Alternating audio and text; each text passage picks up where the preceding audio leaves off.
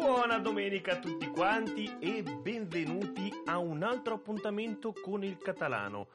Parla catalano, come tutti ormai sapranno o dovrebbero sapere, è un podcast per iniziarvi, per farvi addentrare in quello che è la cultura, la lingua, il parlare catalano.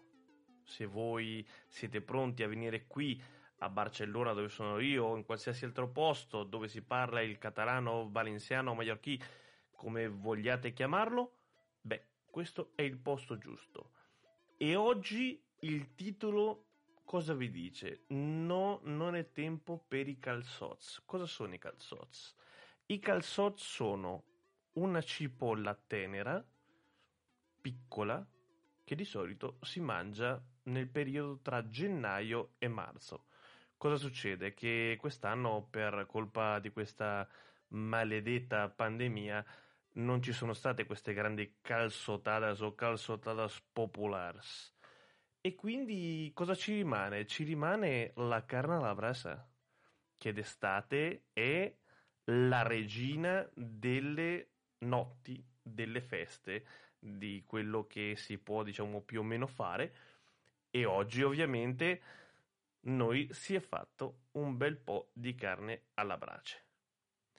E adesso vi spiegherò come si chiamano la carne e le verdure tipiche che si usano qua in Catalogna, almeno io dico Catalogna, quello che si trova nei supermercati, che si mangia di solito nelle barbecue eh, tipiche in Catalogna. Iniziamo con il chai. Il chai è l'agnello, buonissimo ovviamente. Poi continuiamo con las costellas da porc, le costolette di maiale, ottime.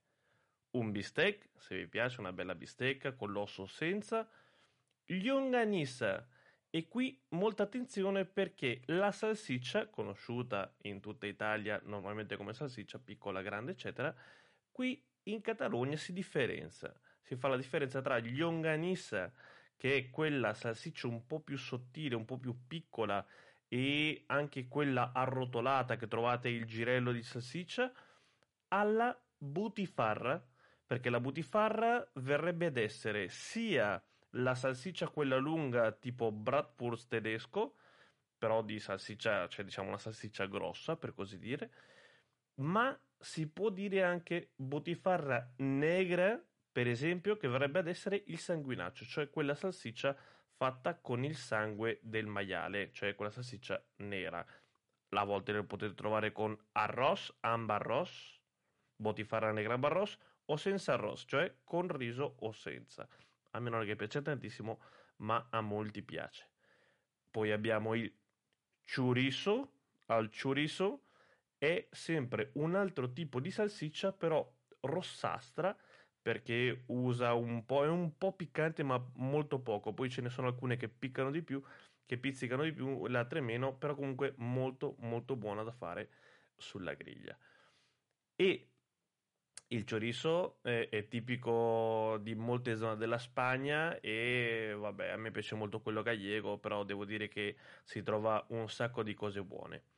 Entrecot, l'entrecot soprattutto a Catalogna che sigui da Girona. A Girona, diciamo, c'è la carne DOP della Catalogna, una delle più buone, delle più tenere. Oggi mi sono mangiato un entrecot spettacolare Antracot. Verrebbe ad essere mm, una bistecca, però di queste eh, mezza fiorentina. Non, non, adesso non, non, vi so precisamente dire il pezzo di carne che è, comunque un, una bella bistecca con, con il grasso lì, con, buonissima, insomma. Brochetta, la brochetta non è altro che lo spiedino che in spagnolo magari voi la conoscete come brocetta e qualcuno magari in catalano lo dirà in spagnolo invece di dire brochette in català. Molto importante. Iniziamo con eh, diciamo la barbecue minore che verrebbe ad essere eh, l'uso di verdure e vegetali in generale che a me piacciono eh, per carità però mh, mm, in modo minore rispetto alla carnazza E quindi abbiamo da fare le patate al cartoccio, che qui si chiamano patatas al caliu, cioè carta stagnola in mezzo alla cenere, si cuociono e via, buonissime. Carabassons, Carabassons, se avete ascoltato Amun Verdulers, quella puntata dove io ho parlato appunto delle verdure, questo sarà un ripetita Juvent che non vi farà male. Als Carabassons sono gli zucchini. Quindi andiamo avanti con le verdure. Dopo i carabassons, un'altra verdura ottima da fare alla griglia, alberginia, alberginias, al plurale, le melanzane. E ovviamente tomacats, al tomacat, il pomodoro, che poi faremo con il paturrat, parfait, pa am tomacat, tipico pane e pomodoro catalano, non solo dei momenti da condividere in barbecue, ma anche tipico nei ristoranti, eccetera, eccetera. Con padacoca, cioè quel pane sottile e molto buono e croccante di solito se viene tostato sulla griglia, o anche le fette del padapagès, che sarebbe il nostro toscano, però di solito rotondo. Comunque può essere sia rotondo che lungo come un toscano molto molto soffice, non così duro come la mollica nostra del toscano, però molto buono. Calçots, si és temporada de calçots i també carciofes si és temporada de carciofes. Vi ricordo che i carciofi sono tipici della zona del Prat del Llobregat, carciofi tra i più buoni al mondo, almeno questo dicono i miei parenti che vengono dal Prat degli Obregat, lascerò a voi il giudizio, io non dico niente, sono buoni ma niente di eccezionale, nulla a invidiare ai nostri romani, ma vabbè. Frankfurt, che è un Frankfurt?